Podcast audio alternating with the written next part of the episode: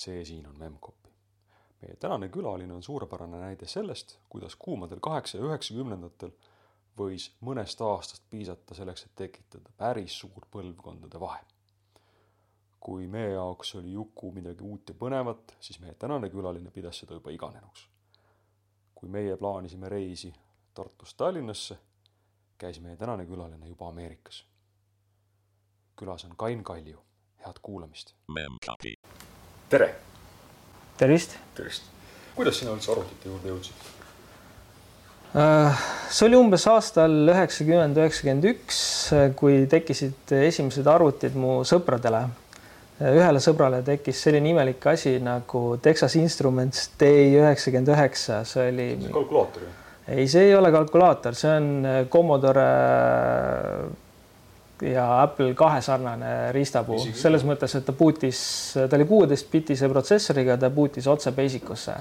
et ta oli ühesõnaga selle ajastu pill ehk siis seitsekümmend üheksa, kaheksakümmend kolm aasta pill see oli siis, äh, mis aastal see siis oli, kui sul nüüd? see oli kuskil, kuskil üheksakümmend, ma täpselt ei mäleta, võib-olla oli kaheksakümmend üheksa, ma arvan, et me olime kuskil selline kaksteist kuni neliteist mm. Vanad, see oli telekaga ühendatud ja siis seal olid mingisugused primitiivsed mängud stiilis Space Invaders ja muud mm. sarnased. ja siis äh, loomulikult ka siis Basic.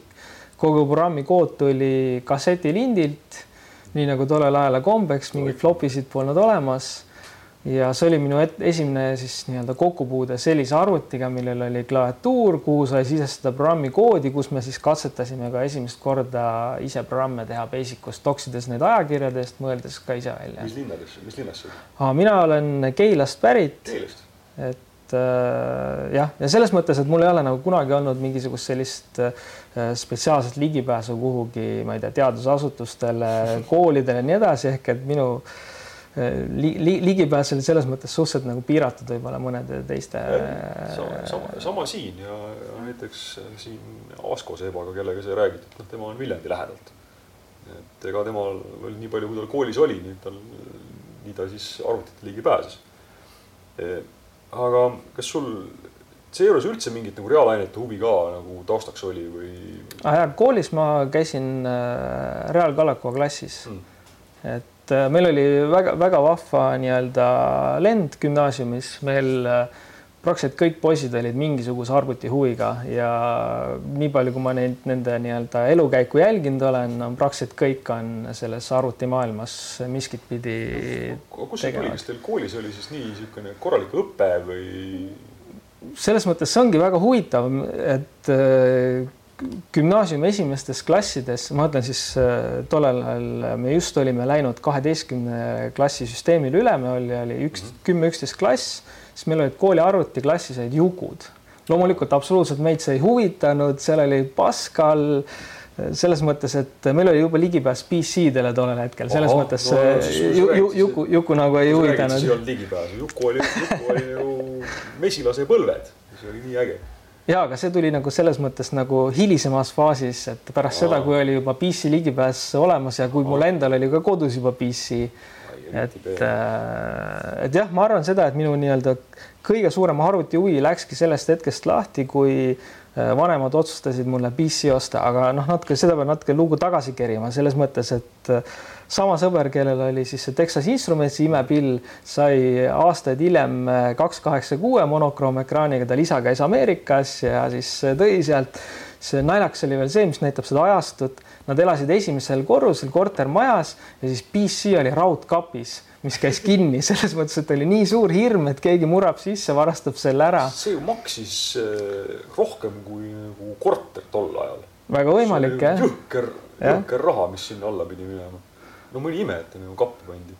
Ja siis äh, mu vanematele käis see kohutavalt pinnale, et ma üldse ei viibi kodus, olen kogu aeg sõbra juures külas hilisööni välja ja, ja siis äh, millalgi üheksakümnendatel vahetult enne Eesti krooni tulekut äh, see oli siis see aeg, kui rubla devalveerus hästi kiiresti. Mm ma isa käest olen küsinud, kuidas see täpselt oli, ta meenutas, et tollel hetkel tema sai palka juba Ameerika dollarites millegipärast ja siis äh, mingisugusest kooperatiivist äh, või, või mis iganes tollel hetkel äh, äriühingud olid, siis sai ostetud üks kaks kaheksa kuus dollarite eest ja hinnaklass oli umbes tuhat dollarit see oli siis VGA ekraaniga ja, ja nii edasi, selles mõttes täismats, täiesti uus, et, et väga äge. aga kui kaks kaheksa kuus ilmselt oli tolleks ajaks juba nii-öelda outdated natukene, sest olid juba kolm kaheksa kuu ajastu.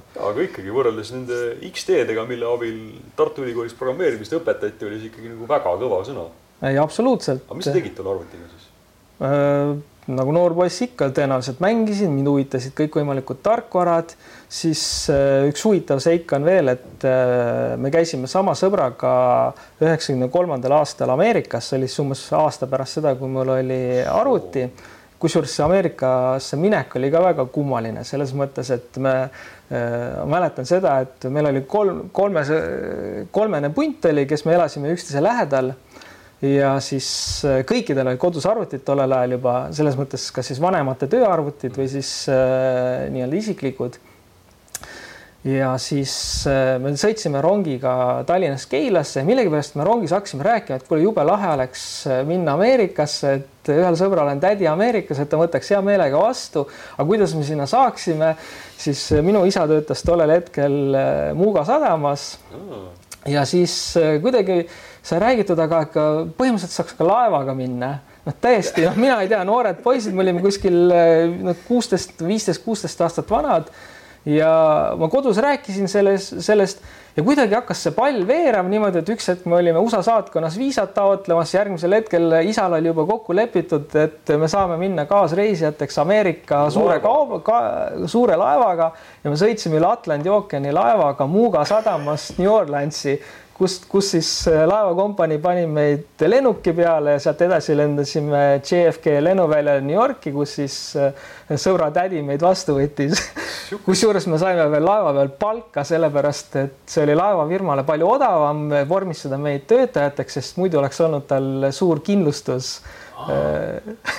et selles mõttes täiesti, täiesti crazy sihukest asja ma kuulen esimest korda, et kaua te sõitsite sinna siis? kaks nädalat, umbes neliteist, viisteist päeva laevasõitu üle, üle ookeani. kas te midagi tegite ka seal siis kasulikku? ei, midagi kasulikku tegelikult me ei teinud, me olime, hängisime nii-öelda ohvitserid äh, nii-öelda siis äh, piirkonnas äh, noh, meile küll näidati, kuidas kõik laev töötab, aga me ei teinud selles mõttes midagi kasulikku tööd, et me oleks, ma ei tea, koristanud tekki või midagi sellist. ei, me lihtsalt hängisime, võib-olla heal juhul saime mingisugust sellist nii-öelda ülevaatlikku õpet, umbes nagu sa muuseumis käid, et näed, siin on see asi, siin mootoriruumis on sellised nupud ja loomulikult keegi meil midagi teha ei lasknud. välja, välja arvatud see, et võib-olla avaookeanil me saime rooli keerata ja natukene nii-öelda laeva juhtida millega tagasi sõitsid siis?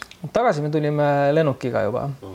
aga selles mõttes, miks ma seda üldse märgin, on see, et kui me Ameerika pinnale astusime, me saime siis laevast palka, meil oli päris palju raha, meil oli stiilis mingisugune tuhat viissada dollarit, mis oli tolle aja kohta nii-öelda üüratu summa. ja siis mina isiklikult kulutasin selle raha loomulikult ära arvutipoes nii et ma tõin endale Ameerikast, ma arvan, et elu ühe kõige tähtsama riistapuu, milleks oli modem ja vot pärast seda läks elu lahti. see oli? see oli mingisugune kahe tuhande neljasaja poodine modem, ma täpselt ei mäleta tüüpi enam. ja, ja, ja, ja siis ma tõin veel äh, Sound Blaster kuusteist helikaardi, mis oli täiesti tipp, tipp tollel hetkel. tippkaart tol ajal jah, sest oli too aeg täpselt, kui Sound Blaster oli välja tulnud. just, noh, mingi stiilis paar kuud hiljem nii-öelda, et ta oli nagu täiesti, täiesti tipp, et. uskumatu sest, sest üks asi, mis siis, mida ma pärast hiljem avastasin, mis BBS-ides levisid, olid need nii-öelda helimoodulid, et mul oli neid hästi palju, ma mingil hetkel kogusin neid. ma arvan, et tollel ajastul paljud tegid seda.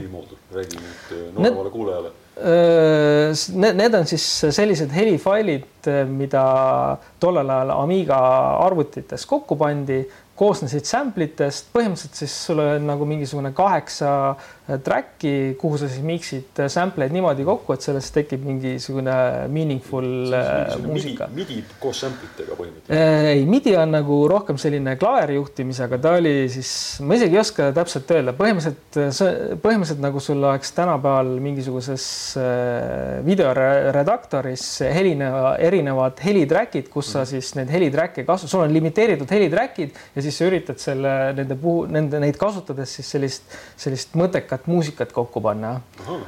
et. Äh, kust need liikus BBS-ides? Need liikusid siis BBS-ides jah loomulikult see sai üritatud ise ka neid teha, aga mul erilist muusikalist tausta ei ole, nii et selles mõttes midagi, midagi, midagi sealt selles mõttes välja ei no,. siis sa tulid Ameerikast tagasi, panid kohe BBS-i püsti? kui ma tulin Ameerikast tagasi, siis äh, ma hakkasin avastama endale, enda jaoks siis seda BBS-i maailmat ja ma nii-öelda, nii-öelda vanu, vanu asju üle vaadates selgus, et äh, mul üks lemmik BBS oli Dark Corner, mis siis oh. oli Priit Kasesalu äh, veetud. Ja es, es, esmalt äh, loomulikult sa üritad nii-öelda alla laadida kõike, mida saab, selles mõttes kõik on ju puhas kuld, selles mõttes kõik tarkvara, mida sul pole veel kunagi olnud ja nii edasi. Siis huvitav oli veel see, et tollel ajal oli eksisteeris selline asi nagu Kadaka turg ja, ja Kadaka turul müüdi piraattarkvara. ma arvan, et, et ma sain ka väga palju sealt piraattarkvara. PBS-ides, kusjuures minu mäletamist mööda tegelikult otseselt piraattarkvara nii-öelda väljas ei olnud, et seal oli rohkem sellist nii-öelda äh, häkkimise stiilis tarkvara, aga mitte nii otseselt. Windowsilt vist keegi ei downloadinud. jah, jah, just, et, et see sellist, sellist asja nagu ei olnud, need olid, need olid tahanurkadesse ära peidetud, neid nagu otse nii-öelda nendes BBS-i listides ei olnud aga seda mäletan küll, et mul oli kodus telefoniliin ja see tele ja minu meelest ei olnud minutitasu tollel hetkel või see minutitasu oli nii odav, igal juhul mul oli kodus liin praktiliselt äh, ööpäevaringselt kinni kogu aeg, seal ei olnud võimalik helistada, sest minu arvuti helistas kogu aeg, laadis midagi alla ja, ja nii edasi. kuidas see bootstrap imine käis, et kust sa teada said, et mis numbrite peale helistada ja kus kohas keegi vastu võtab? väga võimalik, et see tuli stiilis Exe ajakirjast ma ma ma ei suuda seda enam meenutada, aga kui sa oled ühte BBS-i juba sisse pääsenud, siis äh, see kogu see maailm juba avaneb. üks, üks, te, üks teema, mis BBS äh, levitas, on teiste BBS-ide siis aadressidega failide nimekirjad. et mul on äh, mingil hetkel Priit Kasesalu pani kogu oma BBS-i viimase versiooni veebi ülesse ja ma laadisin selle alla, ma avastasin selle enda ketta pealt, vaatasin seda just hiljuti läbi, et see oli nagu päris huvitav. mis seal siis, mis seal siis leidus? Äh, kõikvõimalikke häkkimisvahendeid, C-programmide näiteid, mingisuguseid raamatuid stiilis äh, Terrorist Handbook ja muud sarnased. et igasugune selline, selline kraam, mis sellistele noortele inimestele põnevust pakkus. kas, kui me korra veel sinu ja selle arvutihuvi nagu alguse juurde lähme, kas sa pigem olid seda tüüpi mees, kes äh, nagu nagu mängis arvutiga või võrgutas arvutiga või programmeeris arvutiga? kas teil on ka erinevaid tüüpe või sa programmeerisid selleks, et mängida või kuidas sul see oli äh,? tead, ma jah, mõtle, mõtlesin ka selle üle nii-öelda tagantjärgi, et äh, kuidas see siis täpselt oli ja mulle tundub, et mul on olnud sellised nii-öelda nagu kolm, kolm sellist ajajärku. et kui see oli see nii-öelda koduse kaks kaheksa kuue ja BBS-ide ajajärk, siis see oli pigem selline, et äh, et sa lihtsalt üritad endale nii-öelda sisse krahmata kõike, mida sa näed, selles mõttes mm. seal leidus ka arvutimänge. ma ei mäleta, et ma oleksin väga äh, nii-öelda kohutavalt mänginud, siis kui me sõbra juures äh,, mul endal veel arvutit ei olnud, siis me mängisime loomulikult äh, kõik need ajad täis, et äh, me ei tegelenud programmeerimisega, vaid pigem ikkagi mängimisega aga hiljem jäi see mängimine pigem nagu nii-öelda rohkem nii-öelda tahataustale ja ikkagi üritasid nii-öelda aru saada, kuidas arvuti töötab. näiteks üks teema, mis mind kohutavalt paelus, olid viirused mm. -hmm. et äh, mul oli alati kõige viimane viirusetõrje tarkvara, siis ma usun, et mul oli selleks hetkeks juba ka mitu kõva ketast ehk et mul oli võimalus nii-öelda katsetada, mida viirused teevad. Ka neid nii-öelda viiruse kollektsioone levitati BBS-ides ja siis äh, sai sellega uuritud, et äh, kuidas, kuidas selline asi nii-öelda põhimõtteliselt nii-öelda äh, töötab. ja siis järgmine aasta tuli siis, kui ma avastasin Linuxi enda jaoks. ja see oli ka siis seesama, kui tuli internet ehk et sealtsamast gümnaasiumi kõrvalt kaheteistkümnendast klassist ma sattusin tööle äh, riigi elektriside inspektsiooni, mis on täna mm, mis ta nüüd ongi, Tehnilise Järelevalve Amet mm. -hmm. et äh, ma sattusin nii-öelda siis äh, selleks äh, noh, nii-öelda selliseks patsiga või arvutipoisiks, mul patsi pole kunagi olnud, aga siis selliseks noh, nagu, nagu ikka selline arvutipoiss, kes, kellele antakse mingisugused arvutid, et palun seadista nüüd siin, tee seda, seda, seda. kuidas sa sinna sattusid niimoodi kooli kõrvalt, mina küll ei sattunud tutvused või? mul sõber, seesama sõber töötas Pennus ja kuidagi tema kaudu tuli kontakt, et kuuled, et otsitakse sellist arvutitüüpi, kes oskab arvutitega midagi teha ja ma läksin kohale ja ja kuidagi võeti tööle just, poole just, kohaga. ma järeldan, et siis teil ikka klassist ikka mitmed töötasid siis keskkooli kõrval. ja, ja meil selles mõttes mitmed töötasid jah, et, et üks, üks klassivend näiteks töötas Keila linnavalitsuse juures, kes oli selline kõva programmeerija juba tollel ajal, kes ka kinkis mulle esimese programmeerimisraamatu C Programming Language. Brian Cunninghami ja, ja Dennis Ritchie oma. see on seesama sama väljaanne mis minul oli ja me vaatasime seda raamatut ja siin ei ole seda, kust on trükitud, see on mingi piraatväljaanne. just. see on mingisugune müstiline, see, see levis Nõukogude ajal juba minu meelest. et kui selle, selle raamatu nagu ajaloost või kes see selle nagu välja andis, see on korralikult tehtud, see on nagu köidetud ja puha ja see ei ole nalja aga kujundus on täpselt see klassikaline sinine. just, just, kui praegu minna Amazonist vaatama, siis see on täpselt, täpselt selline raamat on põhimõtteliselt müügil väga, väga põnev et see oli mu esimene programmeerimisraamat, aga see, see, leidis nii-öelda kasutamist ikkagi aastaid hiljem, siis kui ma juba netit tegin ja mul oli nii-öelda praktiline vajadus programmeerida otsingusüsteemi, mis oleks suurema jõudlusega. tahaks ikkagi aru saada, et kuidas teil juhtus see, et teil oli selline klass, kus nagu mitmed juba keskkooli ajal nagu töötasid ja programmeerimine käis ja arvutid olid kodus ja kuidas see nagu. aga võib-olla see oli. mis see nagu ajas seda taga või?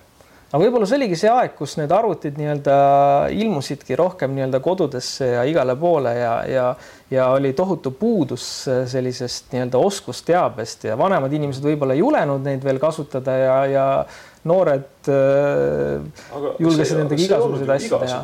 igas keskkooliklassis ei olnud see asi niimoodi, et, et kolm-neli-viis poissi töötasid nagu arvutispetsialistidena, miks teie juures oli? Ma ei oska seda tagantjärgi öelda, küll aga mäletan sellist huvitavat seika, et meil oli üks nii-öelda äh, eksam, oli põhimõtteliselt arvutieksam ja see seisnes meil, see, see ei seisnenud meie puhul programmeerimises, see seisnes see meie puhul see, et äh, me sisustasime arvutiklassi. Ehk et kool sai kuskilt mingisuguse tiigrihüppe või ma ei tea, mis iganes programmi kaudu peaaegu klassitäie arvuteid, ma arvan, mingi kümme, kaksteist arvutit ja siis äh, meie klassi poiste siis nii-öelda ülesanne oli võrgutada see klass füüsiliselt siis Etherneti kaabliga, installeerida need arvutid, installeerida võrguserver, äh, milleks oli siis Linuxi server, see task jäi minu peale, kuna ma olin tollel hetkel kõige suurem Linuxi käpp võrreldes siis teiste poistega ja, ja meie nii-öelda siis kaheteistkümnenda klassi arvutieksam seisnes selles, et me põhimõtteliselt nii-öelda seadistasime koolile esimese PC klassi. see oli siis mingisugune. see oli üheksakümmend viis. üheksakümmend viis jah. aga see Linux ei olnud selleks ajaks ju kuigi vana. ei olnud. kuidas sa selle otsa komistasid? Äh, Linuxi otsa ma komistasin niimoodi, et äh, kui ma juba riigi elektrilises inspektsioonis töötasin, mis on ka selles mõttes huvitav, et kui ma sinna läksin, siis seal veel internetti ei olnud, aga see tekkis sinna üsna pea.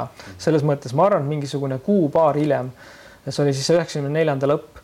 Äh, meist see elektrilises inspektsioon asus aadressil Hädala 4D, mis on ka üks selline legendaarne internetihoone ehk et meie allkorrusel oli valitsusside, kus toimetas Taavi Talvik ja siis oh. Taavi andis meile siis riigi elektriinspektsioonile nii-öelda juhtme otsa kätte, milleks oli siis tolleaegne kümne megabitine koaksiaalkaabel ja palun, siin on internet ja siis sisse see, see koaksiaalkaabel sai siis nii-öelda veetud kõikidesse ruumidesse. ja, ja siis. hubid, hubid ja asjad ja täht ja mis täht, topoloogia just tol, tol, siis ma avastasin enda jaoks interneti koolis, koolis loomulikult poistel rääkisin, et kuulge, see Fidonet on nüüd mingi, mingi vana jama, et see on mingi aeglane, toimib üle modemika, et siin on üks palju uud, uuem ja huvitavam asi, mis on internet. kusjuures äh, siis äh, valitsussidelt edasi olid kanalid üsna kiired ehk et tollel ajal oli juba, ma mäletan, et äh, Tartu Ülikooli FTP serverist sai kahe megabitise kiirusega faile alla laadida, see oli nagu meeletu kiirus välislink oli loomulikult kuskil kuuskümmend neli või sada kakskümmend kaheksa kilobitti, aga, aga. mis sealt Tartu Ülikoolist tõmmata oli siis nii väga? vot seda ma isegi, seda ma täpselt ei mäleta, aga ju seal midagi oli, sest mul on nagu väga selgelt meeles äh, nii-öelda Kadri UT-s olnud FTP server ja, ja, ja, ja nii edasi. et äh, aga see valitsusside ja see Etherneti kaabel, see oli nagu huvitav, et nagu tollel ajal mõnedki teised saates külas käinud on rääkinud, kuulasin saate, sinu saated läbi, et arvuti turvalisus ei olnud nagu tollel hetkel eriti nagu teemaks. ja aga mina noore poisina, kes ma siis olin just Linuxit avastamas ja siis äh, Fidonet oli selles mõttes ka tohutu kullaauk, et Fidonet avas loomulikult kõik oma nii-öelda need eho kanalid. Aga siis internet avas äh, mailing list'id ja kusagilt mailing list'ist ma lugesin, et Anto Veldre teeb neljakümne kolmandas keskkoolis mingisuguseid selliseid introduction kursuseid mm. -hmm ja tollel ajal ilmus ka siis ajakiri Exe, kus Anto artikleid kirjutas mm. -hmm. ma ei mäleta, kumb kummale eelnes täpselt, aga igal juhul mäletan seda, et üks hetk ma olin, olin ma seal neljakümne kolmandas keskkoolis, ütlesin, et siin ma olen, nüüd ma tahan teadmisi saada. seal, seal olid kohapeal veel tolle aja sellised legendaarsed koolipoisid nagu Indrek Mandre ja, ja Eno Ivanov vist ja nii edasi ja mäletan seda, et tagasi tulin ma sealt juba Slackwari distributsiooni installeerimisflopidega, mida oli stiilis kuus tükki. et installeerimise protsess käis ikkagi niimoodi, et esimene flopi, teine flopi, kolmas, neljas ja nii edasi, lõpuks said installeeritud. ja, ja siis äh.... mis tähendab, et lisaks kõigele muule, siis Anto peale jääb ka siis Eestis mingi Linuxi pisiku süstimine või? ma usun küll, jah ma arvan, et tema, temal on väga suur roll selles osas, et eh, Linux Eestis käima läks. igal juhul mina selle pisiku sealt sain. Eh, kuna ma olin tollel hetkel juba siis mõnda aega elektrilises inspektsioonis töötanud ja palka saanud, mul oli päris korralik nii-öelda siis taskuraha, kui nii võtta, siis eh, ma ostsin endale või ehitasin siis endale uue arvuti. kaks kaheksa kuus sai Fidonetis kuskil maha müüdud, siis Videonetis käis ka suur äh, nii-öelda riistvara hangeldamine. Ja ehitasin endale neli kaheksa kuus arvuti, mis oli ja see oli ja, ja kusjuures mitte lihtsalt neli kaheksa kuue, vaid TX nelisada, see oli siis see nii-öelda absoluutne tipp. Ja, ja. lihtsalt nooremale kuulajale, TX oli see, kus tal oli matemaatika koprotsessor oli otse, otse CPU peal, mis tähendas, et ta oskas nagu arvutada ja mitte vähe ehk et see oli kõige kõvem neli kaheksa kuus, äh, mis üldse kunagi tehti. ja siis ma mäletan veel, et mul mingil hetkel oli masinas, see oli siis see Fidoneti aeg, see oli juba siis see aeg, kui mul äh, oli juba vist äh, Node registreeritud et äh, võib-olla tagasi hüpata sealtsamast Dark Corneri BBS-ist, äh, Kassasalu BBS-ist, sealt ma sain esimese Fidoneti pointi, kus ma pääsesin ligi siis nii-öelda Fidoneti uudistekanalitele. Ja siis äh, mingil hetkel tundus, et aga palju ägedam oleks nõud, sai kirjutatud Tarmo Mammersile, et kas oleks võimalik, Tarmo loomulikult lahke inimesena. mis sa Tarmole kirjutasid? Sest Tarmo oli Eesti regiooni siis nii-öelda nagu mänedžer, tema andis neid nii-öelda aadresse Aa, välja. lutt oli tema käes. ja lutt oli tema käes. ta igaks juhuks muidugi ei rääkinud oma loomulikust tagasihoidlikkusest, selge. et siis sai Tarmole kirjutada, et kas oleks võimalik registreerida nõud number kuuskümmend kuus ja Tarmo vastas, et tehtud ja, ja sealt, sealt mul, sealt edasi oli mul nõud, mis mõnda aega eksisteeris kodus aga siis mingil hetkel Äh, sai seadistatud äh, Elektricity'de inspektsioonis Linuxi server, sest meil oli praktiline vajadus serveerida printerit ja serveerida faksi. Ehk et meil oli vaja tekitada siis ja faile ka loomulikult. Ehk siis äh, sai nurka tekitatud siis Linuxi server, kes siis share'is faile üle Samba teenuse ja võttis vastu fakse. Ja siis minul õnnestus ka enda Fidoneti nõud sellesse samasse serverisse sokutada. juba käis et kui muidu Fidonetis tarkvara oli MS-DOS-i peal, siis oli ka alternatiiv Unixitele ifmaili, ta, ifmaili nimelise programmi näol. ja korra räägime sellest äh, ametist. miks seal üldse internetti vaja oli, kas see oli puhas sinu nagu huvi või nad tegid midagi kasulikku ka sellega äh,? ma arvan, et see oli vajalik äh, emailide ja muu selline, jah, see oli vajalik, tegelikult see jah, praktiline vajadus oli olemas, sellepärast et elektriinspektsioon tegi tihedat koostööd ITU-ga, kes siis äh, juhib kõike neid sageduste ja, ja, ja protokollide kõike muud sellist. rahvusvaheline. ja rahvusvaheline. just ja nendega neil oli hästi tihe kirjavahetus ja ma arvan, et see email oli nagu selle jaoks praktiliselt, ma ei tea, ma ei suuda meenutada, kuidas see emaili vahetus enne siis nii-öelda seda kaabliga internetti käis, aga siis pärast seda seesama Linuxi masin oli ka loomulikult emaili server. sellel, sellest hetkest tekkis ka meil oma domeen nimega rei.ee või äkki domeen oli juba varem olemas, igal juhul tähendab pärast seda, kui Linuxi server oli, hakkas Rei.ee domeeni siis kirju seesama Linuxi purk vastu võtma ja ka mina sain endale isikliku esimese sellise ülilühikese emaili aadressi, mis oli tollel ajal ülikõva, kain.rei.ee, et. väga kõva sõna. ja üldse avastasid ennast suhteliselt eh, niimoodi õrnas eas Linuxi ruuduna nagu päris riigiasutuses. just ja, ja kusjuures miks, miks ma veel seda kümne megabitist äh, Etherneti mainisin, oli see, et seal kõik see liiklus oli ju näha. Ja tollel ja, ja kui ma külastasin siis Anto Veldre äh, arvutiklassi neljakümne kolmandas, siis üks asi, mis mulle sealt nagu elu lõpuni meelde jääb, et kõik need noored tüübid, kes seal siis Siil Edu E nimelises Äh, masina taga istusid, olid tohutu kõvad häkkerid. Nad demonstreerisid, mida nad siin teevad, näitasid, et kuidas nad on, kuidas nad suudavad exploit ida mingisugust Tartu Ülikoolis olevat masinat ja mingeid professoreid seal äh, jälgida ja nii edasi. see avaldas mulle nii kohutavat muljet, et mind hakkas ka see lisaks siis sellele varasemale viisur, viiruste teema huvi, huvile hakkas huvi tekkima siis nii-öelda arvuti turvalisuse teemal no,. see on ju põhimõtteliselt sama teema, et, et kui sind enne huvitas see, et mida saab arvutiga nagu viirus viiruse abil panna noh, tegema niimoodi, et ta, mida ta ei olnud ette nähtud tegema, siis see häkkimise värk tundub nagu, nagu loogiline olevat. et, et siis ühesõnaga ma hakkasin uurima seda nii-öelda arvuti turvalisuse teemat ja ma arvan, et see on üks esimest korda, kui ma nagu avalikult sellest räägin, aga ma sniffisin loomulikult ka meie nii-öelda võrku ja ma sniffisin, mida siis valitsusside äh, insenerid seal. Äh, aa, see oli valit-, no see, sest ega seal vahel ka midagi ei olnud. ei, seal vahel midagi ei olnud, see oli sellesama, sellesama kaabli otsas oli kaks ametit, oli Riigi Elektriside Inspektsioon kõik oma töötajatega ja valitsusside.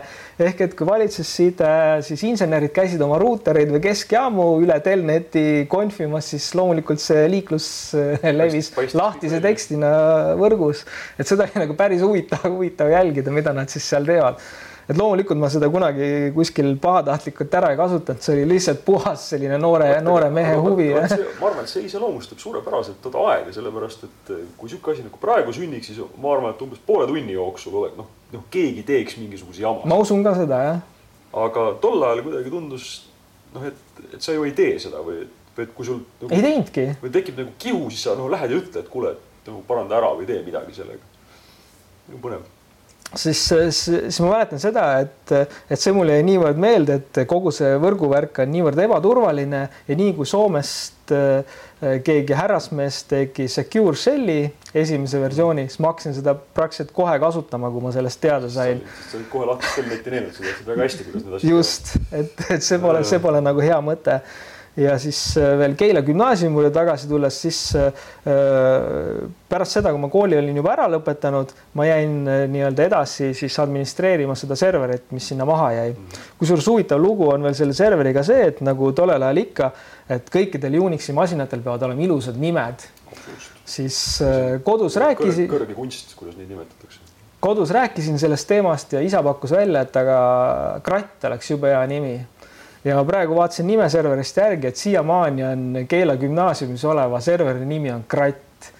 domeen on siis vastavalt Kratt, Keila, Edu e. hakka seda, hakka seda nime siis takkajärgi muutma, ilmselt loodetavasti see riistvara ei ole päris seesama enam. ja, ja riistvara kindlasti ei ole seesama, aga. võib-olla, võib-olla Virtukas isegi on. võib-olla nad on migranud selle. ei, ei oska öelda, ma ei, ma ei sest aa, seda koolimaja füüsiliselt enam alles ei ole, et Keilas on nüüd uus koolimaja, kus mu enda lapsed käivad, siis ma elan siiamaani Keilas ja, ja aga aadress ja kõik on, kõik on olemas. vot sellepärast see asjade nimetamine ongi oluline, et see kest-, võib kesta kolmkümmend ja nelikümmend ja viiskümmend aastat takkajärgi veel. just, just. et selles mõttes see oli huvitav aeg ja siis äh, Fidoneti ajast veel üks huvitav impact minu meelest, mis mul nagu hiljem on väga kasulikuks osutunud on see, et modemid töötasid aatekäsustikuga ja, ja selline aatekäsustik oli selles mõttes universaalne asi, et seda kasutati ka hiljem erinevates äh, muudes rakendustes et loomulikult BBS-ides sissehelistamine toimus lihtsa terminaliga ehk et sa pidid nagu äh, häkker selles mõttes täpselt teadma, sisestama ise ATTD ja telefoninumber ja nii edasi, võib-olla veel seadistama protokolli enne seda, kui sisse, sisse helistada. loomulikult tolleaegsed inimesed teavad täpselt, missuguse protokolliga vilistab sinu äh, saate intro. Ja, nii edasi, et, et selles mõttes see see, see, see oli nagu, nagu ka võib-olla selline, mis nagu edaspidiselt nii-öelda mõnes mõttes, mõnes mõttes nagu kaasa aitas. kas BBS-il oli kliendisoft ka, eks ole ju? ei olnud või sa, või sa helistasid? sa olid helistasid terminaliga. kliendi soft oli ainult äh, Fidonetil selles mõttes, et äh, Fidonetil oli siis äh, soft nimega Frontdoor, kes helistas ja oli siis soft, kes siis pakkis kokku Fidoneti ehod ja siis saatis siis selle paki edasi. Ja... aga BBS-il kui sellisel ei olnud kliendi softi. sa läksid sinna lihtsalt telnetiga külge? ja läksid lihtsalt telnetiga külge ja siis hakkasid seal edasi tegutsema jah, see läheb kokku minu mälestustega küll, jah aga oleks olnud loogiline, et sinna oleks ka keegi mingisuguse front'i teinud või, või mitte. noh, mingi cache imised ja siuksed asjad äh, jah, selles mõttes, et kui, kui vaadata, mis Ameerika maal toimus, kus siis olid need nii-öelda need online service provider'id nagu AOL ja CompuServe ja nii edasi mm, -hmm. siis neil oli tarkvara. et ma mäletan seda, et kui ma USA-s modemi olin ostnud, siis loomulikult noorte poistena meil tuli proovida seda ja meil oli, kujutad ette, meil oli julgus äh, äh, kruvikeerajaga lahti keerata üks, äh, äh, üks, üks selline suur soliidne arvuti. see oli vist kompuuter kaks tuhat või mis iganes tolleaegne üks selline hästi kõva valge bränd oli PC bränd. üks selline arvuti, kuna siis äh, sõbra tädimees oli arhitekt ja tal oli selline väike arhitekt, arhitektibüroo ja meil oli julgus lahti keerata omavoliliselt kruvikeerajaga üks, üks selline suur äh, tower ja siis proovida siis, see modem oli sisemise kaardiga, see ei olnud nii-öelda juhtmega. Ja proovida seda modemit. Ja modemiga oli kaasas kas CompuServe'i või mingi muu sarnase teenuse CD-plaat ja siis sai helistatud nii-öelda Ameerika BBS-i. ja siis oli CD-plaat juba, äkki oli floppy tegelikult, äkki ma mäletan valesti pidi olema flopi, sest CD tuli ikkagi päris palju hiljem. ei, trükitud CD-d olid olemas juba tegelikult, see oli, see ei olnud ju nii hilja või tähendab nii. ei tea. üheksakümmend kolm, ma arvan, et trükitud CD-d olid olemas juba, need kirjutatavad CD-d tulid hiljem, need tulid kuskil üheksakümmend viis, üheksakümmend kuus, aga ma arvan, et need trükitud CD-d olid juba olemas. kas sa, kas nendes BBS-ides, kui sa kolasid äh, midagi muud peale tarkvara ka nagu silma jäi, noh, sa raamatuid mainisid, moode mainisid raamatud mind eriti nagu tollel hetkel ei köitnud, et BBS-idest mina ikkagi laadisin pea, peaasjalikult tarkvara ja siis neid muusikamoode. aga kogu siis see infovoog, see tuli siis Fidonetist ehk et Fidonet oli minu jaoks täiesti puhas kullaauk selles mõttes, et äh, nagu ma varem mainisin, et mul ei ole olnud ligipääsu kuhugi sellistesse teadusasutustesse või, või ülikoolidesse ehk et mul ei ole olnud piltlikult öeldes mentorit ehk et meil oli kamp poisse, kes siis nagu omavahel vahetasid infot ehk et meil ei olnud nagu sellist vanemat, kes te teab, kuidas asjad käivad, vaid meil oli kõik katse-eksituse meetodil piltlikult öeldes no,. isegi hästi, et nagu kuidagi paha peale ei läinud selle kambaga et eh, noh, tihtipeale noored poisid, eks ole, noh, juhendajat ei ole, eks ole, siis ei tea, mida hakkad tegema. no ju siis me olime piisavalt mõistlikud, et teha seda nagu ei juhtunud mm. -hmm. et äh, ma arvan, et sellest ajast saadik on mul selline nii-öelda iseõppimise nii-öelda oskus, et äh, ja või võib-olla see sai ka nii-öelda saatuslikuks, miks ma Tehnikaülikoolis ei suutnud väga kaua õppida, kui ainult ühe aasta nagu tollel ajal võib-olla paljudel teistelgi kombeks. Läksid äh et peale, peale gümnaasiumi ma läksin kohe Tehnikaülikooli informaatikasse, aga kuna ma juba tollel hetkel töötasin, siis igasuguseid huvipakkuvaid projekte oli nii palju kõrval, et et. ülikool ei andnud väga palju enam. ja siis ülikoolis hakati, mina eeldasin seda, et oh, et nüüd ma saan hakata programmeerimist ja igasugust muud sellist huvitavat asja õppima, aga siis tuli välja, et ei, et sa pead kõigepealt läbima füüsikad ja matemaatikat. matemaatikast mul oli juba nagu natukene juba kopp ees, kuna meie, meil oli selline väga püüdlik äh, matemaatikaõpetaja gümnaasiumi ajal ehk et äh, me tegime väga põhjalikku matemaatikat, mingit sissesaamise probleemi Tehnikaülikoolis mõttes absoluutselt ei olnud, et äh, mat-, matjaeksamist lihtsalt lendasid läbi. oleks olnud äh, kasutu, aga oli lihtne ja kasutu. just ja ja, ja siis, siis see ülikool nii-öelda järgmisel aastal mis pooleli jäi. kuidas? mis erialale sa läksid siis? informaatika. informaatikasse. jah. kuidas sul kaitseväega on? Ja siis tuli Kaitsevägi selles no. mõttes äh, äh, kui sa ülikoolis ei ole, siis äh, varem või hiljem leitakse sind ülesse. aga see Kaitseväkke ma läksin üheksakümne seitsmenda aasta suvel ehk et ma olin siis juba aasta otsa netit teinud. ehk et ja, ja kuidas ma sinna sattusin? ma siis elektriinspektsioonist töötades hakkas natuke nagu selles mõttes ära tüütama, noh nagu ikka, et selles mõttes tahad edasi areneda ja, ja hakkasin otsima, et, et, et tahaks kuhugi nagu huvitavasse kohta tööle minna. Ja põhimõtteliselt mul äh, mingil hetkel oli nii-öelda soov kindla peale töötada arvutifirmas, sest noh, kuhu sa ikka lähed, selles mõttes arvutifirmas, seal on kindel see, et sa oled arvutitele väga lähedal. seal on palju arvuteid, nagunii see... kõlab kõlab loogiliselt. siis ma vanu nii-öelda arhiive, back-up'e läbi eh, kammides eh, jäi silma, et ma mingil hetkel kandideerisin isegi Helmesesse, aga, aga sin-, sinna ma ei saanud. Õnneks tagantjärgi ma mõtlen ja siis mu järgmine nii-öelda valik oli see, et okei okay,, et ah, ma olin siis keskkooli ja ülikooli vahelisel ajal suvel, ma töötasin poolteist kuud Tõnu Saamoli IT-firmas nimega Eramees ja ma nii-öelda istusin samale kohale, kus äh, oli just lahkunud Pronto Tanel Raja ja siis Tõnu ütles mulle, et kuuled, et näed, Pronto müüs siin neid Gravis ultrasoundi kaarte, et kuule, hakka nüüd sina sellega tegelema uh. -huh. aga ma olin noor koolipoiss, ma ei teadnud kaubandusest mitte S-ugi ja nii edasi.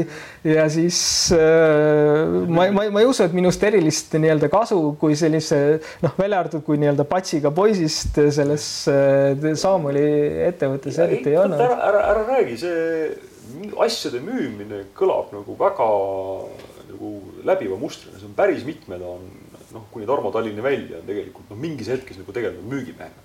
ja üldse mitte halvasti, nii et, et see ei ole üldse nagu välistav. no välja arvatud mina selles mõttes. ma küll selles mõttes. kinnitab reegleid, eks ole. ja siis, kuidas sa netisse sattusid?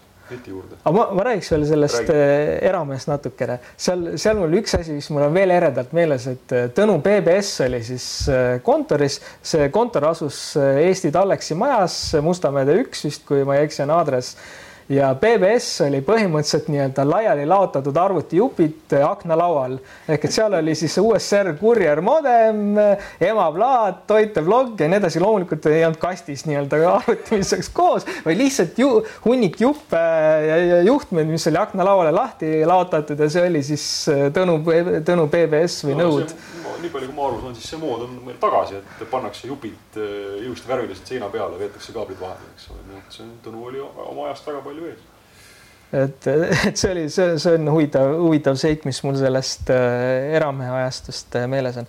aga siis pärast seda ma siis äh, äh, kandideerisin Espak Datasse, sest mulle tundus, et ISP, et see tegelikult on veel huvitavam asi, sellepärast nad tegelevad ju internetiga.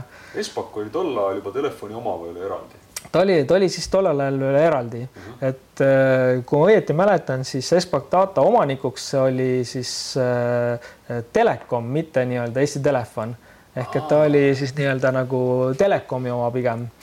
ja okay. siis ehk et ta oli täiesti selles mõttes eraldiseisev ettevõte Eesti Telefonist. Äh, ja siis äh, äh, huvitaval kombel kellelgi oli tulnud selline idee, et meil on kuidagi vaja edendada nii-öelda äh, veebi sellist virtuaalhostimist mm -hmm. ja siis keegi oli välja mõelnud neti.ee nimelise domeeni ja selle domeeni alt siis üritati müüa sellist äh, traditsioonilist veebi hosting ut.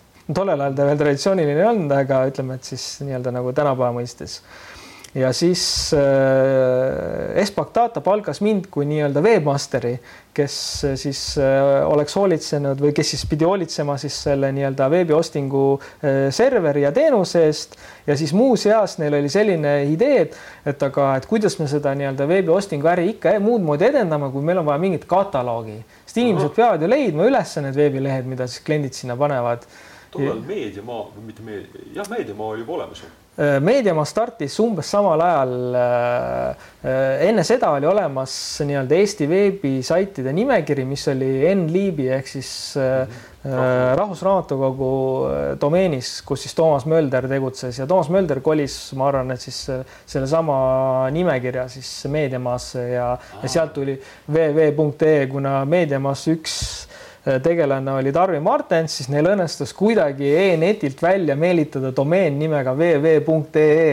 ma arvan, et mitte kellelegi teisele kui Tarvile ei oleks sellist domeeni elu sees välja antud. seda ma, seda ma kujutan küll ka ette aga sa seda kataloogi tegid siis käsitsi alguses või? ja ka alguses, alguses sai seda kataloogi käsitsi tehtud, et ta oligi selline väga nii-öelda algeline, puine, aga asi hakkas lendama siis, kui kui ma kutsusin kataloogi puhul endale appi Jaanus Vainu, kellega ma olin kokku saanud Riigi Elektriinspektsioonist kes on ka selles mõttes omamoodi huvitav tegelane, et esiteks elektriinspektsioonis tema mõtles välja või siis nii-öelda planeeris kogu meie FM kahe, sada kaheksa sageduse plaani näiteks ehk et kõik Eesti raadiojaamade sagedusnumbrid on tema tehtud, sellepärast et nõukogude ajal oli meil teistsugune FM sagedusala sellepärast Nõukogude Liit ei tahtnud kattuda lääne sagedustega, sest see, kuidas siis saab nii, et sa saad poest osta raadio, millega saab välismaa raadiojaama kuulata, et see ei sobinud kuidagi. ja siis Eesti Vabariigi alguses koliti siis selle lääne sagedustele üle ja siis Jaanus oli üks nendest, kes siis käis mööda Eestit siis mõõtmas ja tegi siis sagedusplaani. tal oli väga detailselt Corel Draws joonistatud kõik need nii-öelda sagedusringid Eesti kaardi peale et äh, siis planeerida need sagedused niimoodi, et äh, üle Eesti saatjatel oleksid sellised sagedused, millel on võimalikult vähe häireid siis naaberriikidega, pluss siis nendel omavahel. Corel Draws. ta tegi seda Corel Draws jah. kogu seda teadust kogu seda teadust tegi Corel Draws nojah, mille, mille, noh, mis käepärast parasjagu oli. just ja siis äh, Jaanu, Jaanus on selline nii-öelda tohutu pedant, aga tohutu sellise nii-öelda töövõimega katalogiseerija äh,. tema, tema enda isiklik huvi on bluegrass äh, muusika Äh, ma mäletan seda, et, äh, et tema oli mina, minu teada esimene, esimene inimene, keda mina tean, kes välismaalt e-poest asju tellis ehk et tema tellis CD Now'st plaate endale. mina väga imestasin, et kuidas selline asi üldse võimalik on. et ta tellib kuskilt, ma ei tea, jumal teab kust ja tulebki pakiga kohale CD muusikaga. seda ma mäletan äh, isegi, et juba üheksakümnendate lõpus oli selline asi ikkagi eksootika kui Amazon tekkis ja sellised asjad, et see oli tundus kuidagi ka väga-väga veider. aga see oli isegi veel varem. et äh, ja siis mingil hetkel, mis hetkel nagu, kas teil oli crawler seal või kuidas te nagu automatiseerisite seda? ja siis äh, ma arvan, et see meie see tandem Jaanusega töötas selles mõttes ülihästi, et äh, mina olin siis nii-öelda see programmeerija ja, ja siis noh, tarkvaraarendaja ja Jaanus oli siis katalogiseerija ehk et äh, kui Jaanus siis selle projektiga liitus, siis äh, võiks öelda, et see projekt hakkas täielikult lendama, et äh, ma arvan, et meil läks võib-olla paar kuud aega, kui me olime meediamaast igatpidi kõikide näitajate poolest mööda läinud. et mäletan, et me olime tollel ajal võib-olla isegi natukene liiga ebaviisakad noored noormehed selles mõttes, et äh, näiteks me reklaamisime netit spämmides et me tegime ühesõnaga ühe korra sellise nii-öelda masspostituse saates kõikvõimalikele emailidele teate, et nüüd on selline huvitav teenus olemas nagu neti.ee, tulge külastage või midagi, mida iganes sarnast. kusjuures huvitav on see, et kui ma vaatasin enda back-up'e, siis eh, ma nimetasin enda crawlerit nuhiks, noh, siis otsingurobotit, kes mööda lehti ringi kuvab ja huvitaval kombel ma olin selle nuhi programmeerimist alustanud juba mitu kuud varem. Ehk et nagu, nagu, nagu miski oleks suunanud mind sellele teele, et seda on vaja. Ja kusjuures otsingumootoreid ma olin ka natuke varem teinud, ehk et selle, seda pärast seda nii-öelda erameest, kui ma läksin ülikooli, siis erameest ma sain uusi kontakte, üks, üks kontaktidest äh, äh, siis kutsus mind tegema ühte nii-öelda äh, siis ärikataloogi sarnast teenust, äh, mille pealkiri oli Partanet see asus Estada serveris, see oli mingi Sunny server Akadeemia tee kakskümmend üks siin teisel korrusel, samas majas, kus me hetkel viibime. ja siis äh, selles äh, Sunny serveris ma ei tea, mis asjaoludel, aga ma millegipärast sain seal teha FTP serverite otsingut ehk et ma panin seal püsti otsinguteenuse nimega Filerix, mis töötas umbes kolm-neli kuud, mille ainukeseks sisuks oli see, et ta võimaldas väga hõlpsasti üles leida siis igasugustest kohalikest FTP mirroritest ja tollel ajal siis Marek Tiits IBS-ist hostis sellist asja nagu Ducos. ja oli et äh, ühesõnaga minu siis nii-öelda otsingumootor võimaldas äh, hõlpsasti faili nimede järgi, programmi nimede järgi üles leida tarkvara siis tolleaegsele Windows üheksakümne viiele, vanadele Windowsitele ja nii edasi, nii edasi, nii edasi. ehk et, ehk et äh, tolle, tollest mingisugusest pooleaastasest projektist nii-öelda kõrvalprojektina ma tegin faili otsingut ja see ikkagi tähendas, see just failide indekseerimine ei ole ju enam naljaasi, see tahtsime ikka mingit programmeerimisoskust saada, et kust sa selle olid üles korjanud? Äh, programmeerin, tähendab äh, tollel hetkel ma oskasin programmeerida Perli ja siis kõike seda, mis sul Unixi shellis äh, saada on. et see tuligi selle, sellest ajaperioodist, kui ma uurisin, mis on nii-öelda Unixil teol kõhus no,. aga et, et ma siis. ise puhtalt lihtsalt näppisid ja said ma mõtlen just seda, et, et seal ei ole ju sul ainult sellest, et mis käsuga juhtub print ja mis käsuga saab faili kirjutada, vaid et see on ikkagi algoritm ja, ja see, et ma ei külasta sama kohta nagu mitu korda, kuidas ma optimiseerin seda ja. jah, mis puudutab nii-öelda veebi crawl imist, siis jah, selle peale tuli juba nii-öelda mõelda, et. lihtsalt puhtalt nagu konteksti pärast, et kaua sul see crawler nagu läbi käis et kogu see Eesti veeb saaks. no nagu veeb oli väga, ma arvan, et see oli mingi stiilis ööpäev või midagi sellist, sest see oli väga väike veeb oli tollel ajal, et et ma usun, et äh, ma täpselt pole vaadanud, aga ma usun, et selle kataloogi suurus oli stiilis võib-olla paar tuhat äh, linki ja mitte rohkem tollel ajal ja, ja keskmine koduleht oli ka selline kolm kuni viis lehekülge, et see, see ei olnud eriline nii-öelda eriline teema. huvitavamaks läks pärast siis, kui see juba miljonitesse läks, et siis mingil hetkel oli ikka selline crawler, mis töötas paralleelselt nii-öelda äh, paljudes threadides ja nii edasi.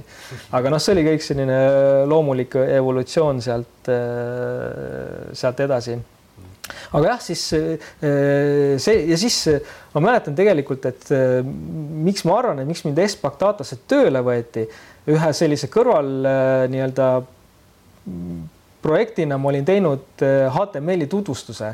ma arvan, et mul oli vist koolis olnud vaja seda nii-öelda kellelegi õpetada mm -hmm. ehk siis äh, gümnaasiumis siis tollel perioodil, kui ma siis äh, Keila seda serverit administreerisin ja siis mulle tundus, et nagu kuidas ma seda ikka õpetan, mingit eestikeelset materjali pole.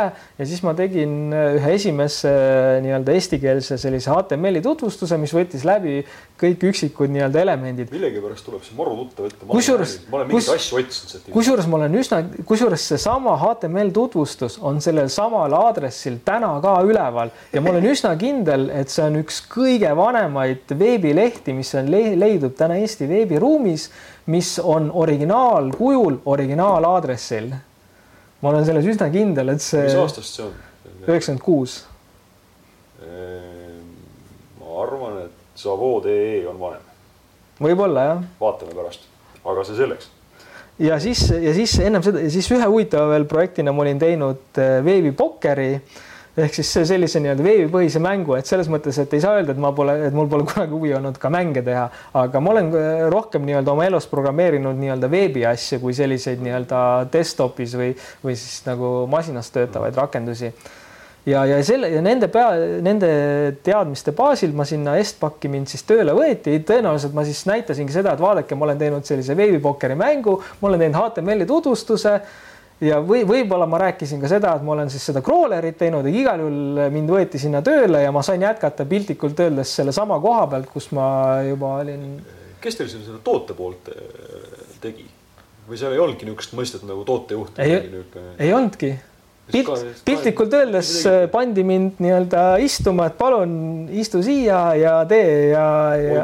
Ah, tegelikult, tegelikult ei, tegelikult see oli ikkagi läbimõeldud, selles mõttes äh, Espak Data tegi koostööd ühe reklaamiagentuuriga ja see reklaamiagentuur äh, rentis ruume Kullo majas Mustamäe teel. et tegelikult minu töökoht oli selles, füüsiline töökoht asus selles reklaamiagentuuris Kullo majas ja, ja ma töötasin siis äh, nii-öelda püsiühend-, meil, ühesõnaga minul oli arvuti, millel oli püsiühendus üheksateist koma kaks kilobitti sekundis ja, ja sealt ma töötasin. Ja siis äh, see ühesõnaga äh, ma saan aru, et Espoc Data oli teinud nii-öelda noh, noore mehena nagu ikka, et sind ei huvita, kuidas rahad liiguvad ja nii edasi, et sind huvitab ainult see tehniline pool, et idee siis seisnes selles, et reklaamiagentuur siis aitab äh, äh potentsiaalsetel Espoc Data klientidel teha kodulehti, aitab teha neile reklaami ja nii edasi, et see, et see oli umbes midagi, midagi sarnast kokkulepet. Äh, Nordecor, ma ei tea, kas nimi kellelegi midagi ütleb. aga, aga, aga selles mõttes see oli huvitav, et üks äh, kolleeg, kes Nordecoris töötas, oli äh, kunagise OK OK Jutuka nii-öelda üks asutajatest äh,, äh, mitte, mitte küll Kaupo Kalda, aga siis äh, iga, siis see teine tüüp, mis, kelle nimi mul praegu ikka. ei ole hullu, ei ole hullu. Tiit, Tiit Serman, kusjuures see oligi nagu naljakas, et tema alias oli Ott, aga tegelikult tema päris nimi oli Tiit. Väga salakaval. Väga salakaval. Ehk et äh, li, lihtsalt selline äh, huvitav asi. Ehk et ehk et kuidagi tundub, et kogu see maailm nagu tollel ajal oli nagu nii pisikene, et kui sa natukene selles maailmas ringi käisid, siis sa puutusid paratamatult kuidagi kõikide nende inimestega kokku, kes tollel ajal toimetasid. ega, ega see maailm tegelikult nii pisike ei olnud, sest kui hakata nüüd neid mälestusi niimoodi läbi käima, siis need nende inimeste hulk, kes siin figureerib, on ikkagi noh, üllatavalt suur mina arvasin ka, et see võib-olla jääb mingisuguse paarikümne inimese juurde, aga ei, hakkab tasapisi juurde tulema. räägi korra sellest, kuidas te veebimeili tegite. veebimeile? Hoti. ah, Hoti ja see, see oli tegelikult ka päris huvitav. selles mõttes äh, ma käisin kaitseväes ära kaitseväest tagasi tulles Eesti Telefon oli Espak Data ära söönud, selles mõttes äh, Espak Data lakkas olemast Äh, mingil hetkel ma töötasin äh, siis äh, Lasnamäel Koorti viisteist, kus Espak Data enne oli vana Eesti Telefoni maja, aga siis õite pea koliti meid sealt siis nii-öelda päris Eesti Telefoni muudesse ruumidesse ära ja siis ma olin Eesti Telefonis sellises allüksuses, mille pealkiri oli teleteenuste arendus ehk oh. et Eesti Telefon oli nagu teleteenuseid tegev ettevõte ja siis see oli siis põhimõtteliselt nagu siis selle Eesti Telefoni arendusüksus, kelle eesmärk oligi nii-öelda välja töötada uusi teenuseid mm. -hmm. ja siis oma neti tegemisega me sinna sattusime ja siis äh, äh, ma olin äh, kontori, kontoriruumi jagasin ühe, ühe teise noormehega, kes arendas sisselistamisteenust ja siis huvitaval kombel meil äh, vedeles kapi peal üks sisselistamiskeskus. ja siis äh, ma küsisin, et kas ma võin seda uurida ja nii edasi ja siis äh, see oli üks Askendi sisselistamiskeskus, selline pisikene see, seal väga palju nii-öelda liine ei olnud. see oli mingisugune tükk riistvara, kas seal käisid mingid eh, off the shelf modemid sisse või ta oli nagu dedicated? ei, ta oligi nii-öelda dedicated sisselistamiskeskus, et sa põhimõtteliselt eh, installeerisid ta räkki, panid talle juhtmed külge ja ta hakkaski osutama teenust no,. numbrit kuulama ja numbrit kuulama internet tuli tal teisest otsast sisse ja nii edasi. aga miks ma seda räägin, on see, et selle käigus ma siis sain teada, kuidas sisselistamiskeskus töötab. avastasin selle, et sisselistamiskeskus audendib ennast vastu sellist nii-öelda audentimisserverit nagu Radius mm -hmm. ja siis sealt edasi ma uurisin, et mis asi see Radius on, sain teada, et see on dictionary põhine protokoll üldsegi mitte keeruline ja ma programmeerisin siis äh, raadiuse serveri, kes siis äh, suutis sisselistamiskeskust juhtida ja avastasin, et see sisselistamiskeskus, see firmware äh, võimaldab igasuguseid huvitavaid asju, mis tundusid olevat nagu seni kasuta. näiteks see, et sa võid kohe raadiusserverist öelda sisselistamiskeskusele Äh, kui kaua see kasutaja võib online'is olla uh. -huh. ja sellest teadmisest näiteks sündis selline toode nagu Atlas Surf, mida Eesti Telefon nii-öelda prepaid internetina müüs uh. -huh. et äh, see, see ühesõnaga toode sündis puhtalt sellest, et mina häkkisin siis seda nii-öelda seda väikest sisselistamiskeskust, mis oli tegelikult üldse mõeldud mode, mis oli üldse mõeldud mobiilidega sissehelistamiseks, ta toetas sellist huvitavat protokolli nagu V kolmkümmend viis. paljud pole sellest ilmselt mitte kunagi kuulnud, aga see oli mingisugune selline nii-öelda wideband protokoll, mis töötas üle GSM-i ehk et kui sul oli selline GSM äh, äh, telefon, mida sai siis äh, arvutiga ühendada, siis äh, ta võimaldas sisse helistada selle V35 protokolliga ja sa said veidi suurema kiiruse kui nii-öelda tavalist modemit vilistades üle, üle, üle siis äh, mobiili. Okay.. et näiteks ma mäletan sellist case'i võib-olla korraks hüppan natuke tulevikku, oli aasta kaks tuhat, kõik mäletavad Y2K kohutavalt hirmus, et kõik arvut-, pooled arvutid lähevad katki, sellepärast et kell jälle hakkab töötamast ja nii edasi. Yeah ja ka Eesti Telefonis kardeti seda, sest legacy süsteem oli tohutu palju ja kõik insenerid, kes olid mingisuguste süsteemidega seotud, pidid jääma nii-öelda valvesse, aga ma ei tea, kuidas minul õnnestus sellest ära nihverdada. niimoodi, et äh, tollel hetkel ma olin Soomes suusatamas sõpradega äh, lumelauaga mäest alla laskmas ja stiilis paar päeva enne siis seda aastavahetust tuleb mulle äh, siis äh, klienditeenindusest kõne, et kuuled, et nüüd sisse helistada enam ei saa, et mingi jama on see, läksin siis autoni, mul oli auto, laptop kaasas, see oli juba aasta kaks tuhat onju. mul oli laptop kaasas, ma olin Soome, Soome Vabariigis, panin äh, telefoni laptopile järgi, helistasin siis nii-öelda siis sellesse meie enda nii-öelda privaatkeskuse sisse sellesama V35 protokolliga ja hakkasin siis vaatama, et mille pärast siis kliendid sisse saa, siis Hoti kliendid, siis tuli välja seda, et keegi oli veel viimase hetke mingisuguse turvapatch'i nii-öelda peale laadinud Y2K Äh, nii-öelda hirmus ja see muutis natukene seda nii-öelda teadet, mis raadiose serverile saadeti ja siis raadiose server läks selle peale katki, kuna talle tuli tundmatu, tundmatu sisuga dictionary. custom soft'i võlud, eks ole. just, just, aga siis äh, jah, siis selle, sealt sellest surfist äh, nii-öelda edasi meil turu tekkis selline olukord, kus Eesti Telefoni kontsessioonileping vist oli juba lõppenud või lõppemas, ma arvan, et see oli just juba lõppemas või lõppenud. Ja turule tuli Tele2 Rootsist. Ja Tele2, tema idee oli korrata Eestis täpselt sama, mida ta tegi Rootsis. ehk et ehk, ehk, ehk et ta, ta, ta soovis nii-öelda siis sellelt suurelt telkolt palju raha välja imeda ja me teadsime seda, et noh, kuna Eesti Telefon siis üüris ruume, liine ja nii edasi, ehk et meil oli teada, et ta paneb oma sisselistamiskeskuseid püsti ja siis Eesti Telefoni juhtkond oli selles paanikas, ma ise ka külastasin mingisugust äh, sellist laiendatud juhatuse koosolekut, kus sellest arutati. Ja ma mäletan, et ma tulin sellest üsna mornilt nagu tagasi, mulle tundus, et vanad härrad nagu vanad kolleegid ei suuda nagu midagi otsustada, nüüd tuleb nagu ära teha. et mina sellise noore mehena oleks tahtnud nagu kohe rauh-rauh, et äh, läksime. Ja siis äh, ma ei mäleta, mis asjaoludel ma olin kodus, aga ma pidasin siis telefonikõne Äh, Priit Pirsoga, kes oli tollel hetkel siis selle valdkonna juht Eesti Telefonis ja selle telefoni kõne käigus me otsustasime, et me teeme Eesti Telefoni osutatavale Atlas Starter teenusele alternatiivse teenuse, sellepärast et see Atlas Starter absoluutselt ei sobi Tele2-ga konkureerimiseks. meil on vaja sellist teenust, kus on siis kasutajate nii-öelda registreerimise protseduur ja kõik selline automaatne, noh, self-serving nii-öelda, kasutaja saab ise regada ja nii edasi, nii edasi, nii edasi. kuna siis nii-öelda kuutasu niikuinii pärast seda Tele2 jampsi enam ei ole Äh, siis äh, ainu, ainukesed, mis maksavad, on kõneminuti hinnad ehk et Tele2 lootis siis raha teenida sellest, et ta termineerib kõnet ja Eesti Telefon on äh, sunnitud talle nii-öelda vahendama siis seda nii-öelda kliendi käest küsitud kõneminuti hinda.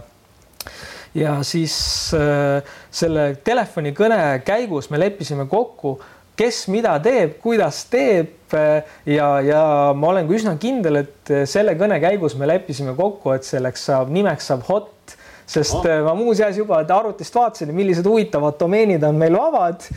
et kusjuures veel tollel ajal oli veel see, see aeg, kui e-net ei nõustunud andma ühele ettevõttele mitut domeeni. mina ei tea, kuidas, aga minu üks tänane kolleeg eh, Guido Kõiv, temal õnnestus kuidagi e-netist saada hot.ee domeen meile, ma ei tea, kuidas, ju siis sarnane insight nagu, nagu Tarvil oli www.ee-le.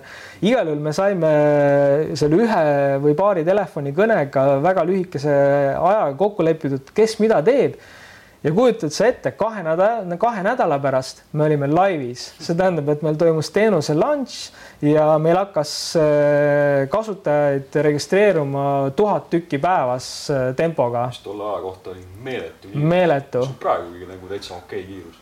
et äh, et äh, sealt, sealt sai siis nii-öelda hot alguse, et minu, minu teha jäi siis äh, seesama raadiuse äh, pool. Ehk siis hot, hoti puhul Audentis kasutajad, tähendab hot, hoti siis omaaegne sisu tegelikult seisnes selles, tähendab meie huvi oli see, et inimesed helistaksid meile sisse, siis tollel ajal hakkas ka juba olema kombeks, et anname ka kasutajale emaili. Aga kuna varasemalt küsiti emaili eest raha, siis meile tundus, et lihtsalt niisama neid emaile jagada ei tahaks ja siis sai tehtud sinna siis selline kriuks, et äh, sa saad küll nii-öelda veebipõhiselt äh, konto luua kusjuures imelik chicken and egg probleem, et äh, kuidas sul on konto loomiseks internetti vaja. et, et, aga, aga tundus, et nagu see ei ole takistuseks. noh, selles mõttes ju siis sa seda internetti said kuskilt mujalt nii-öelda neid vanu nii-öelda internetiühendusi kasutades. igal juhul tähendab jah, registreerimine käis veebipõhiselt ja äh, Äh, see nii-öelda emaili konto ja ka kodulehe konto ei hakanud ennem tööle, kui sa olid selle registreeritud kontoga vähemalt ühe telefonikõne teinud sisselistamiskeskusesse. ehk et siis seda loogikat võimaldas siis see minu custom raadius, kes siis äh, kõikidel nendel kasutajatel nii-öelda siis äh, järge pidas ja. kas ühel hetkel oli seal veebimeil ka, eks ole? Ja veeb, ei, veebimeiler oli, ma arvan, et suhteliselt algusest kohe juba sellesama esimese kujunduse osa juba. enne kui me lõpetame, vot see, seda ma tahan küll. aga see ei olnud minu programmeeritud, see oli internetist leitud vabavara, mida me saime kasutada. no näed siis. et ma arvan, et me isegi seda nii-öelda ei, ei rebrand inud nii-öelda enda värvidesse, vaid see oli lihtsalt meie lehelt lingitud, me ise host isime teda. et siis see, see seletab seda, et miks, kui me üritasime Hansapangas mõned aastad hiljem teha veebimeilerit, miks see meil nurja läks aga see oli kohutavalt keeruline teema. Hansanetis üritasime nullist teha, millegipärast meil ei tulnud niisugust mõtet pähe, et, et internetist see asi, see asi download ida. ja mulle ka ei tulnud selline mõte pähe, et seda nii-öelda ise teha. küll aga mäletan seda, et hiljem, äh, kui keegi mäletab, äh, olid sellised huvid, oli selline protokoll nagu VAP. ehk siis mobiiliprotokoll, siis mobiilivariant internetist ja vot selle VAP meili ma küll tegin täiesti nullist ise sellele samale hotile. õnneks ei olnud väga pika elueaga, sest vapp ei olnud väga pika elueaga, ma ei mäleta, et seda oleks keegi päriselt kasutanud, ma tegin internetipanga isegi üle vapi, aga see ei lennanud kuhugi. mina mäletan ka seda äh, le le le legendaarset nii-öelda äh, siis äh, väidet Ando Meentololt, kes oli tollel ajal siis EMT üks arendusjuhte, kes, kes kommenteeris minu vapp-meili sellega, et noh, sa võid ju sinna suahiidi keele ka panna, aga noh, ilmselt pole sellest väga palju kasu keelemõisteid palju. aga kogu see vapp sai minul isiklikult alguse sellest, et äh, ma olin saanud endale vapivõimelise telefoni oh,. et, et äh, ma mäletan seda, et, et äh, ma arvan, ma arvan, et see oli üks ainukesi telefone, mida ma olen iialgi tööandjalt saanud, see oli siis Nokia seitse üks üks null telefon, see oli siis see klapiga telefon, millel oli suur ekraan see juba. muide oli suurepärane põhjus, miks oli hädasti vaja Hansapangale see vapipõhine internetipank teha sellepärast selle panga, selle internetipanga testimiseks ju pidi tööandja väljastama niisuguse suurepärase telefoni. jah on ju, väga hea. aga mul oli nagu vice versa selles mõttes, et ma sain kõigepealt telefoni, siis mul tuli idee, et aga, et mul telefon nüüd on, aga mida ma sellega teen, onju. ja et jube äge oleks enda postkasti sinna sisse vaadata sellisel Just. mugaval moel ja siis ma tegin siis selle vapp-meili sinna. aga sellega juba, kuidas öeldakse, et algab uus sajand ja algab uus ajastu ja sellest räägime võib-olla mõni teine kord lõpetuseks küsiks veel korra lühidalt, et mis sa praegu teed? Äh, praegu ma olen äh, Boltis äh, serveri infra peal ehk et minu üks kauaaegseid kolleege sealtsamast Eesti Telefonist, Tarmo Kople on üks nendest inseneridest, kellega me siis alustasime Bolti kogu seda serverimajandust praktiliselt mm. juba algusajast peale, ehk et kui meie alustasime Tarmoga serverite poole majandamist Boltis, siis meil oli stiilis tuhandeid äh, kliente ja tuhandeid sõitusid kuus ja nüüd see on asendunud siis miljonite klientide ja miljonite sõitudega, et. et siis päris, päris pikk tee on läbi käidud sellest kuuest Slackwari flopist mis sai saadud Anto Veldri käest. jah, Linuxi teadmine on ka täna minu igapäevane leib, kui nii võtta. no vot, et siis loodetavasti Antole teeb rõõmu see teadmine, et kuhu, kuhu võib kuus flopit inimest aidata. aitäh sulle. aitäh.